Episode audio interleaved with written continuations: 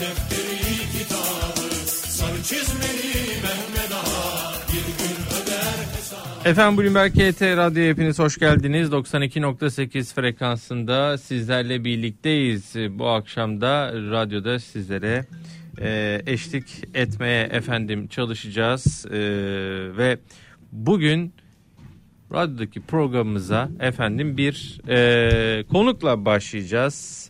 Sevgili Helin Çelik bizler olacak. Bir TRT araştırma müdürü. Helin iyi akşamlar hoş geldin. İyi akşamlar, hoş bulduk. Teşekkür ederim, iyi yayınlar. Çok teşekkür ederiz. Ee, kripto paralarla ilgili son durum nedir? Ee, kripto cephesinde bugünkü gelişmeler nedir? Ee, senden dinleyelim. Tabii. Ee, biliyorsunuz satıcılı bir seyir vardı hafta sonu. Hafta başında bir miktar toparlanmıştı ancak dün yine biz e, satış baskısını e, kripto para piyasasındaki stresi fazlasıyla hissetmiştik. Bugün itibariyle toparlanmalar görülmeye başlandı ve kripto para piyasası toplam büyüklüğü ve hacmi yeniden 2 trilyon doların üzerine çıktı. Burada dikkat çeken bir unsur dominans seviyeleri yani hakimiyet oranları.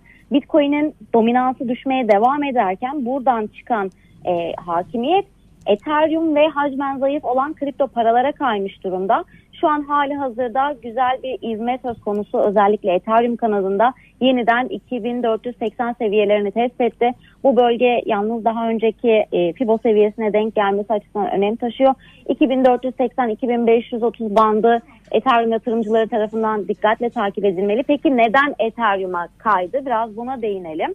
E, ilk olarak Coinbase'in Ethereum staking'i başlatılacak bu hafta. E, ve burada bir havuz oluşturulacak. Burada Ethereum'lar biriktirilecek ve yıllık olarak kilitlenecek. Yıllık %6 bir faiz kazanma konusu meydana gelecek. Böyle bir durum söz konusu olacak.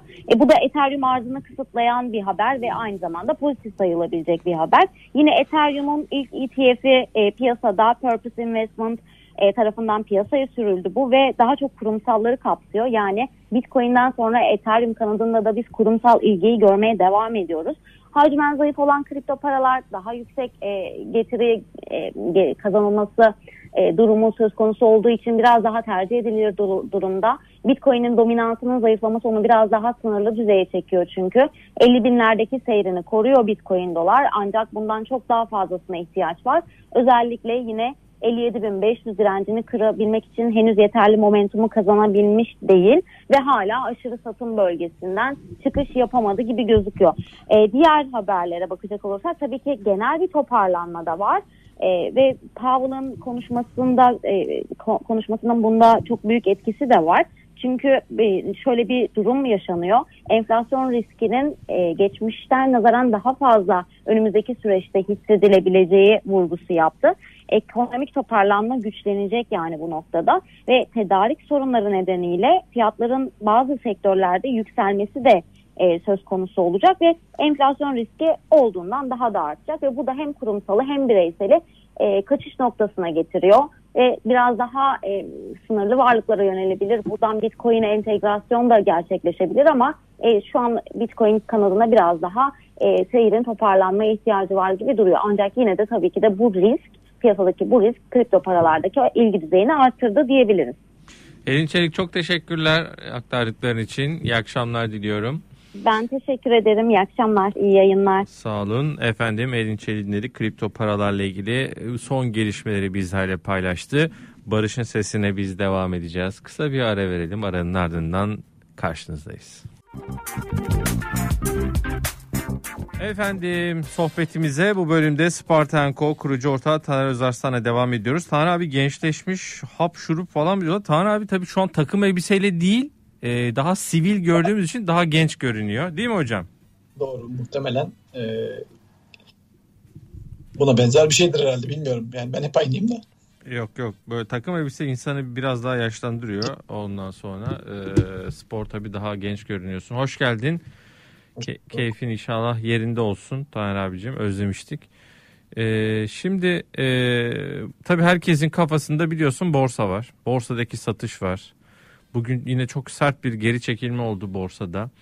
Ee, yüzde iki buçuk bir ara yüzde dörde ulaştı ve 1330'dan borsa kapandı yüzde iki buçuk geri çekilmeyle dolar tl 8.20'ye yakın borsadaki bu satış e, Bunu nasıl yorumlamalıyız? Nasıl anlatmamız lazım? Ne diyorsun? Her yükselişin bir düşüşü vardır bir kere. Hı. Bir bu.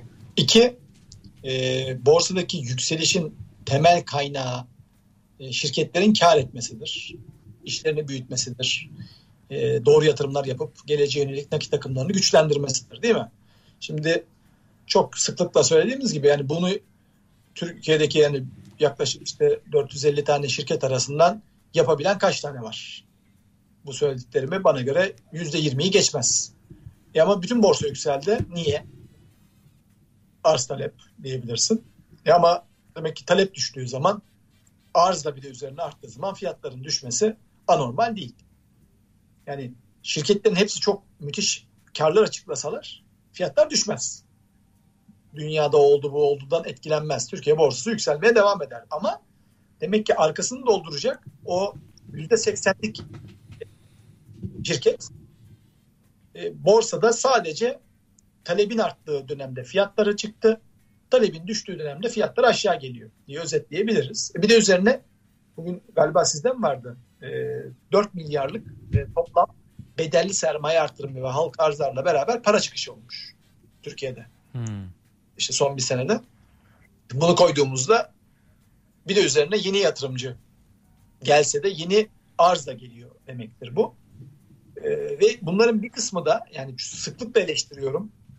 Kesinlikle yanlış ama çok bir şey de değişmiyor. Ee, hala ortak satışlarıyla geliyor sermaye e, şeyleri e, satışlar e, genelde halka arzlar.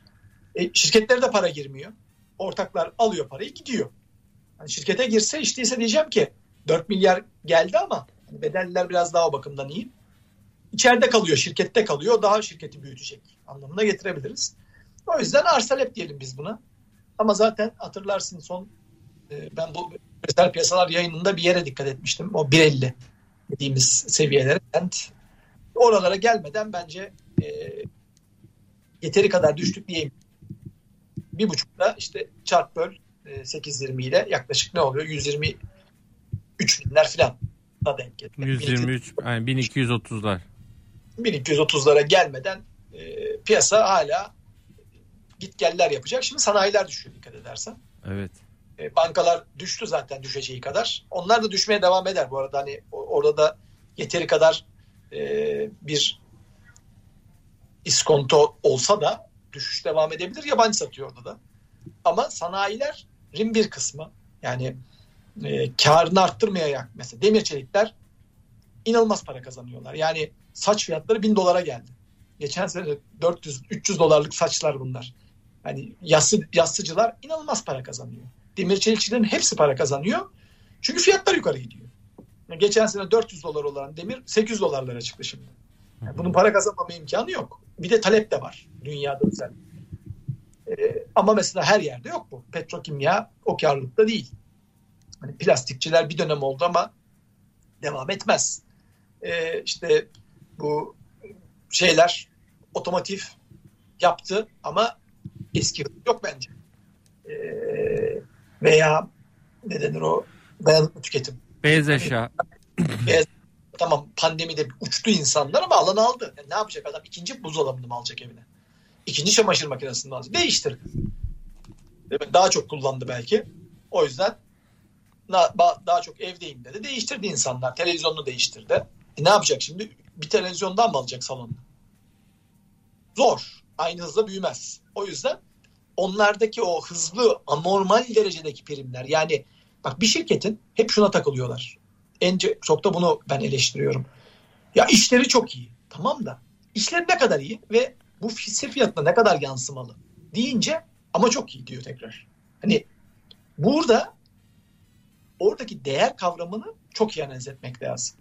Bir yabancı gelse ben bu şirketi satın almak istiyorum dese kaç çarpanla alacak? EBITDA çarpı 7 ile başlar pazarlık. Hadi çıksa çıksa 11-12'ye çıkar. E bizim EBITDA çarpı 40 ile işlem gören şirketler var. 50 ile işlem gören. Defter değerinin 10 katından ser, şey e, halka arz yapılıyor ya. Defter değerinin 10 katından bir onunla da 3'e katlıyor şirket. Böyle saçma yatlamalar yani bu talebin yüksek olmasından kaynaklanıyor. böyle şey gibi gezen bir güruh oluştu. Halka arz, halka arz gezen. Ee, geçen dün şeyde de söyledim sizin televizyon programında da insanlar kaşıkla yiyor hatta çay kaşığıyla yiyor yemeği kepçeyle verecekler geriye.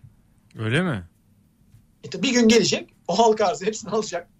Çok büyük halka arzlar bunlar 800 milyonluk falan. Yani biz daha 80 milyonlukları yeni hazmediyorduk. 200'lere yeni çıktık bir anda 800 milyonluk halka arzlar geliyor. E ne olacak bunlar? Yani zannediyor musun ki öyle tavan tavan tavan gelecek bundan sonra? Mümkün değil yani. Alan niye alıyor? Tavan gidecek diye. Ha, e, Bize sorular yazdı geliyor. Kaç tavan gider bu halka arz? gibi. Yani mümkün mü o şirketin o, o değeri elde etmesiyle ilgili elinde ne var?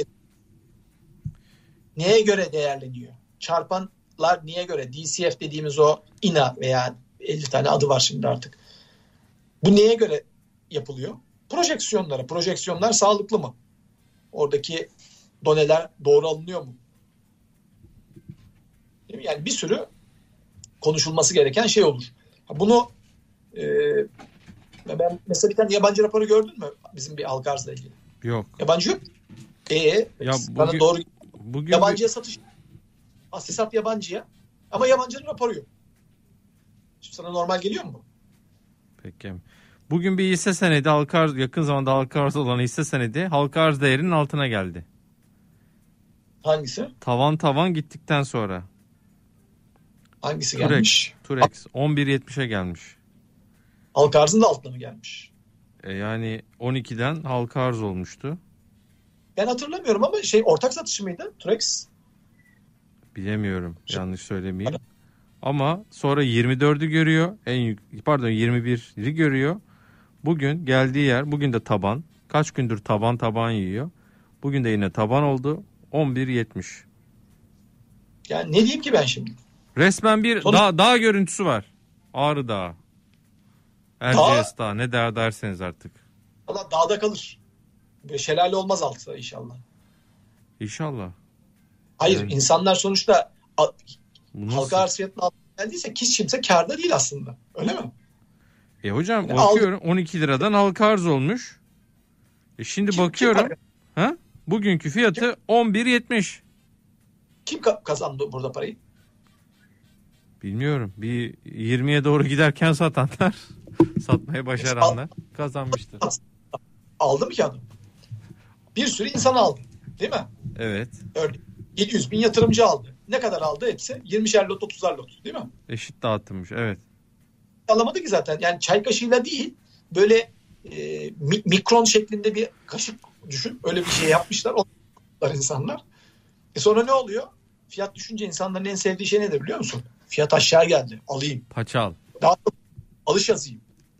Ben almıştım ondan 30 not ama şimdi 30 Yaz. bin not göndereyim. Bin lot. Yaz. 1000 not, 3000 not.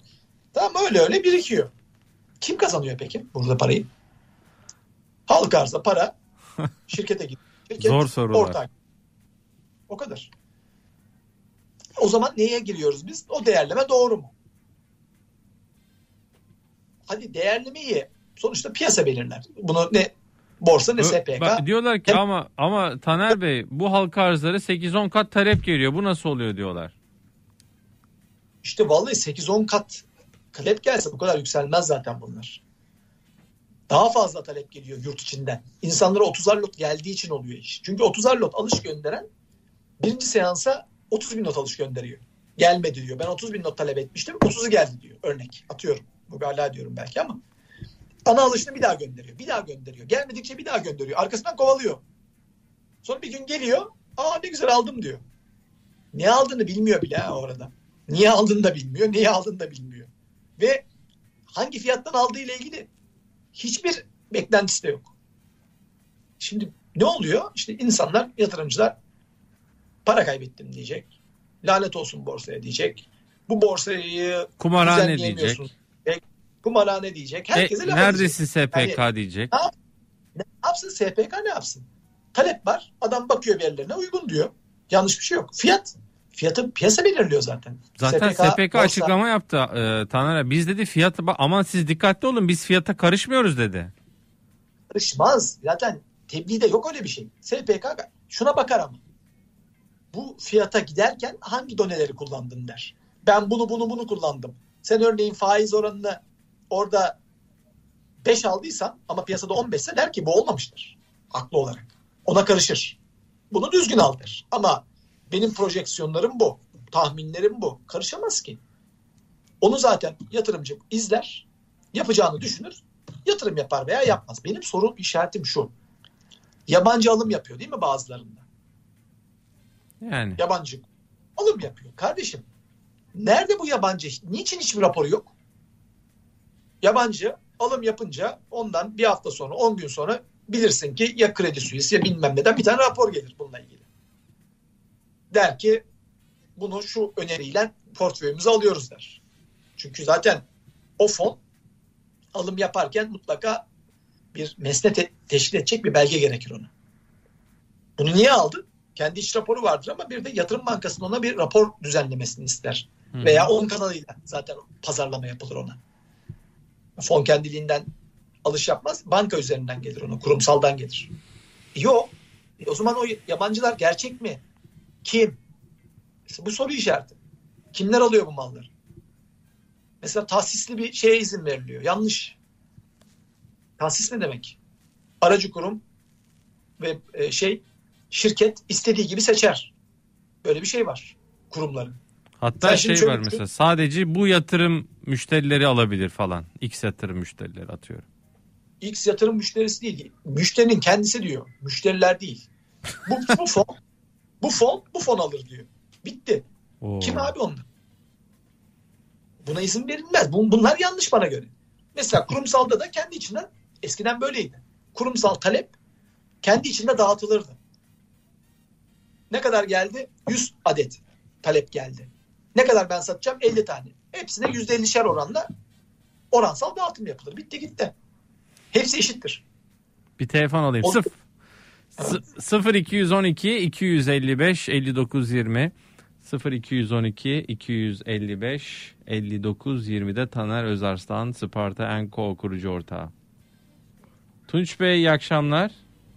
Barış Bey nasılsınız? Teşekkürler. Siz nasılsınız? Çok teşekkür ediyorum. Taner Bey de iyi akşamlar. Bunlar sağ olun. Buyurun. Ee, şeyden bahsediyorsunuz Turex'ten ama Taner Bey herhalde dışarıdaydı. Olanları bilmiyor Turex'le ilgili.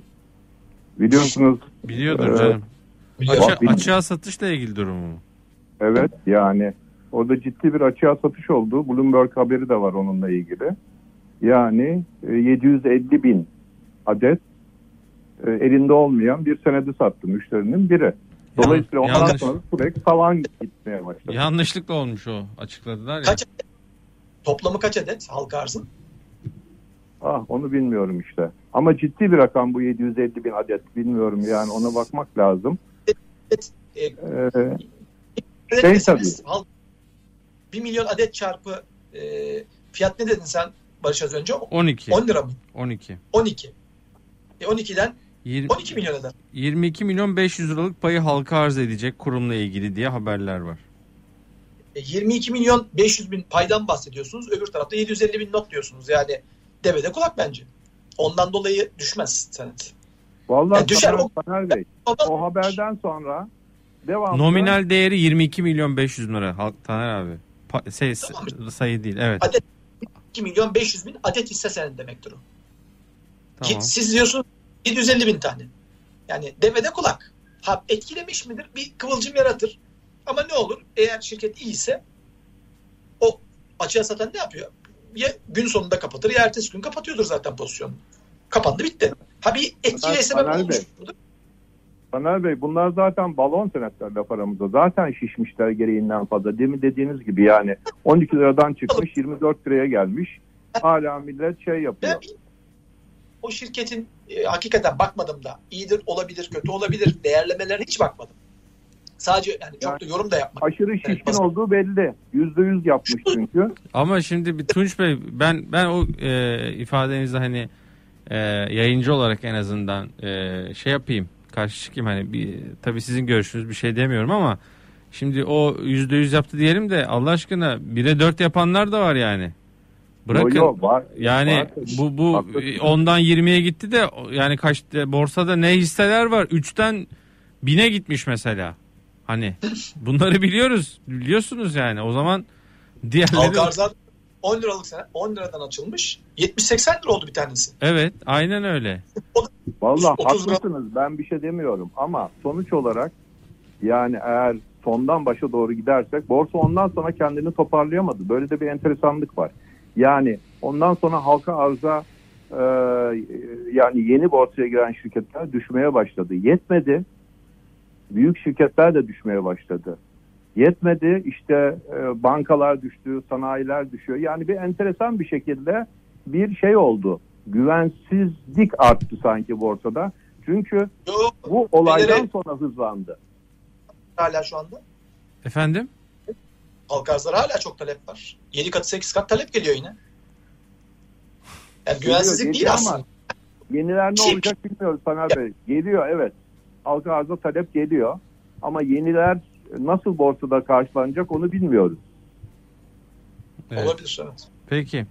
Yani benim eski- sorum şu aslında. Barış Buyurun, Bey. buyurun. Ben o konuyu Taner Bey'in bilgisine sunmak için söyledim aslında. Hı hı.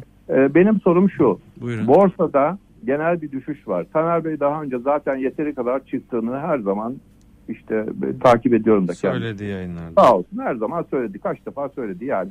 Çok düştü, çok yükseldi bu düşer. Ona göre kaygan zemin, buzlu zemin bu ifadeler hep Taner Bey'in ifadeleri zaten. Kendisi belirtti bunu defalarca. Şimdi sorum şu. Sizce e, sene sonuna doğru bu borsa nerelere gider? Bu konuda bir fikriniz var mı? Yani ekonomik durumu, dövizi, e, ne bileyim işte Merkez Bankası'nı vesaire. Yani Türkiye'yi göz önüne alırsanız bilmiyorum istiyorsanız yurt dışını da katın. Ne düşünüyorsunuz borsanın gidişatı hakkında? Taner Bey teşekkür ediyorum. İyi Çok sağ akşamlar. olun. İyi akşamlar Tunç Bey. Yani Türkiye'de hakikaten uzun vadeli düşünülemiyor. Yani şirket bazında söyleyebilirim. Hani iyi şirketler olacak diyebilirim. Bu şirketler iyi olur diyebilirim. Ama borsa genelinde bir şey söyleyemiyorum. Neden? Yani Türkiye'de hakikaten olmayacak şeyler oluyor. Yani Merkez Bankası Başkanı değişiyor 4 ayda bir. Ne bileyim eee, beklemediğimiz bir anda bir atama geliyor. Yani bir anda bir ülkeyle aramız kötüleşiyor. Ee, yani hakikaten e, ciddi anlamda bazı eksiklerimiz var. Ve o yüzden bu bizim e, uzun vadeli düşünmemizi engelliyor. İşin açıkçası uzun vadeli düşünmemizi engelliyor. O yüzden hani borsa endeksi için bir şey söylemek zor. Çünkü faiz buradan 25'e çıkar. E, şirket geriliyor. Şimdi şey var değil mi? Daha tasarı geçmedi galiba. Hangisi? %20 kurumlar vergisi. Değil mi?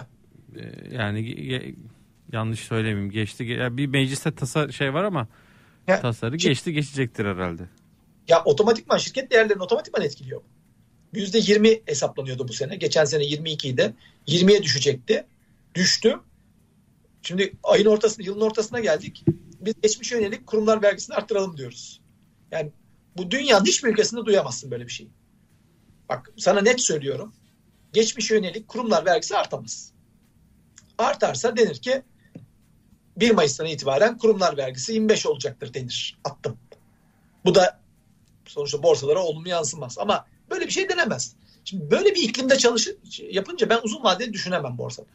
Borsada ani reaksiyonlara karşı ne yapacağınızla ilgili bir yorumunuz olmalı. Belirli bir yer çok daha üzerine gidebilir. İşte kredi sistemi oluyor. e, Çılgın bir yatırım iyisi geliyor pandemiden dolayı. Bunlar ortadan kalkacak. Normalize olduğu zaman ne olacak diye bakacağız. Benim işte takribi olarak önceki yayınlarda da söyledim. Yani biz bir buçuk e, sentler civarında düşüyor olmamız lazım. Oradan bir alıcı gelebilir ama oradan sonra da bazı senetler çok düşebilir. Bazıları onu beklemeden daha da yükselmeye devam da edebilir. Az önce söylediğim bazı sektörler zaten e, burada dünya fiyatlarından etkilendiği için Türkiye'de de karlılıklarını arttırıyor. Ama e, genel global işte bankaları da içeren ki yani bankaların artık endeksteki payı %14'lere düştü. E, çok böyle bir etki yok. O yüzden hani borsa endeksi şu olacak vesaire e, Türkiye şartlarında hani uzun vadeli yorum yapmak hep diyorum ya hem vadeyi hem fiyatı sadece kahinler e, şey yapar biz kahin değiliz. Bu arada e, yani vaka sayıları, hayatını kaybeden sayıları inanılmaz yükselmiş durumda. Az önce e, açıklandı. E, istersen onu da Taner bir kez daha e, söyleyeyim. Çünkü 61.900 kişi yani 62.000 kişi diyeyim. E, koronavirüs e, testi pozitif çıkan 62.000 ve hayatını kaybedenlerin sayısı da 360'ın üzerine yükselmiş durumda. Ee, inanılmaz bir hakikaten e, salgınla şu an hani nüfusu oranla falan dünya lideriyiz anladığım kadarıyla. Tam, tamamlanmış mıdır sence bizde? Efendim? Bu e, sürü bağışıklığı olmuş mudur? Vallahi her gün böyle 50-60 bin 50-60 bin gide gide zaten olacak gibi yani bu iş. Sürü bağışıklığı. değil mi? Ay desen Abi kaç gündür 50 bin 60 bin gidiyor kaç gündür değil mi? 1.8 milyon eder. Değil mi? Ee, ama daha var ya. Yani 20-30 ay geçmesi lazım öyle gidersin. Yani şöyle e, Bunu- Türkiye zayıf olduğu için bizim gibi işte Brezilya, Hindistan bu tür böyle gelişmekte olan ülkeler ne yazık ki e, bu işi halledemediler, halledemeyecekler. Yani aşı yayılmadığı sürece çok zor işin gerçekleşmesi. Ee, bir de yani önlemlerimiz bizim dünyanın tam tersi. Hep söylüyorum ya İngiltere'de sokakta maske takmak yasak değil. İsrail'de öyle. Yani herkes yani polisler dahi takmıyor. Kimse takmıyor bakın. İngiltere'de. Maske alanda kimse takmıyor. Ha çok özel isteyen takar ama kapalı alana girdiğin anda maske takılacak deniyor. Girdiğin anda neresi olursa olsun. Zaten Aralık'tan beri biliyorsun restoranlar kapalıydı. Biz restoran girdik maskeyi açtık.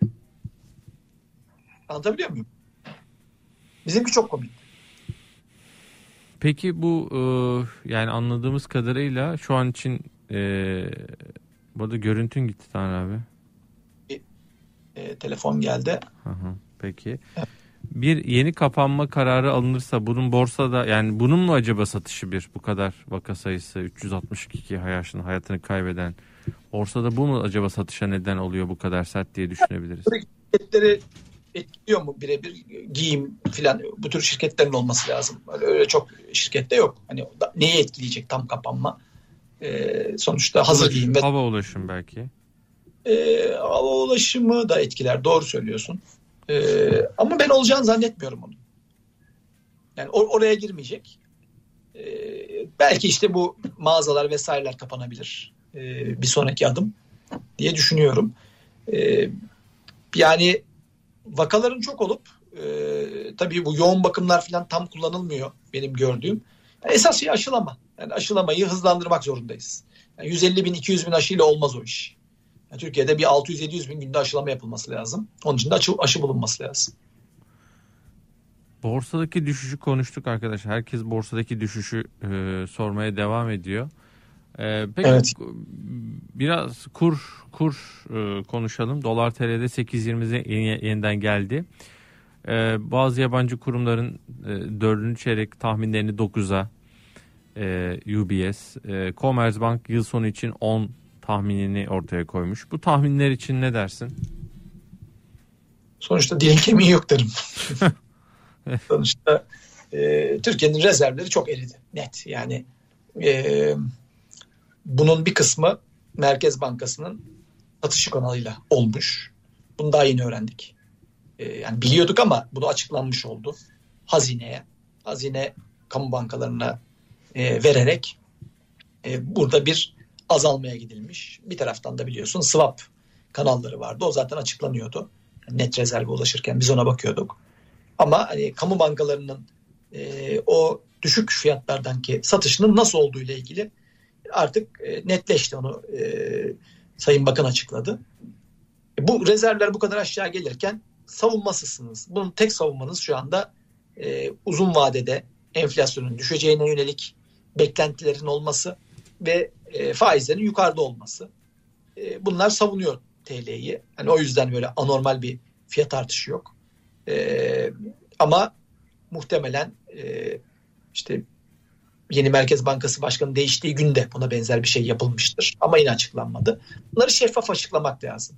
Yani şeffaf şeffaf Merkez Bankası hazineye bu kadar para verdi, bu kadar satışta kullanıldı gibi gibi rezervlerin niçin eridiği ile ilgili daha net olmak lazım. Hatta geçmişe yönelik de bunların net net ortaya koyulması lazım. Şu şu şu şuralarda bu bu bu bu e, rezerv erimelerine sebep olacak satışları yapıldı. Hazine veya kamu bankaları tarafından diye şeffaf olunması lazım. Şeffaf olununca e, bence geleceğe yönelik de insanların beklentileri değişir. Hiç değilse görüyorum der. Yani herkes aynı doğrultuda der. Yani birisi bilip birisi bilmezse olmaz. Benim söyleyeceklerim bu kadar. İftar saati geldi. Peki. O zaman seni uğurlayalım. Koyarak e, Çok teşekkür ederim. ben teşekkür ediyorum. Haftaya unut- unutma bizi. Haftaya görüşmek üzere inşallah. Tamam. Ee, Görüşmek. Tanrı Özarslan'ı uğurluyoruz efendim Bloomberg Radyo'da e, kendisiyle beraberlik. Akşam 9'da ekonomik görünüm e, var. E, Can Fuat Güresel ve Hakan Güldağ bizlerle olacak. Saat 10'da küresel piyasalar. Konuğumuz e, sevgili Cem Tözge ve Tufan Cömert olacak. Oraya da bekliyoruz. Dolar bazı çok sordunuz Fırat Bey bir kez daha tekrarlayayım. 1,5 dolar e, Taner Özarslan'ın şu anki mesela 8.20'ye çarptığımızda 1230 seviyelerine falan denk geliyor. O oralara kadar hani gelebileceğini, oralardan bir alım olabileceğini bu yayın içerisinde ifade etti. Biraz geç katıldığınız için sanırım dolar bazlı Taner Özarslan'ın borsanın gelebileceği yer tahminini e, kaçırdınız ama ben size hatırlatmış olayım. Sorunuza yanıtlamış olun böylece. Herkese çok teşekkür ediyoruz. Bizi dinleyenlere selamları, sevgilerimizi iletiyoruz. Akşam 9 ve 10'da buluşmak üzere efendim. Allah'a ısmarladık.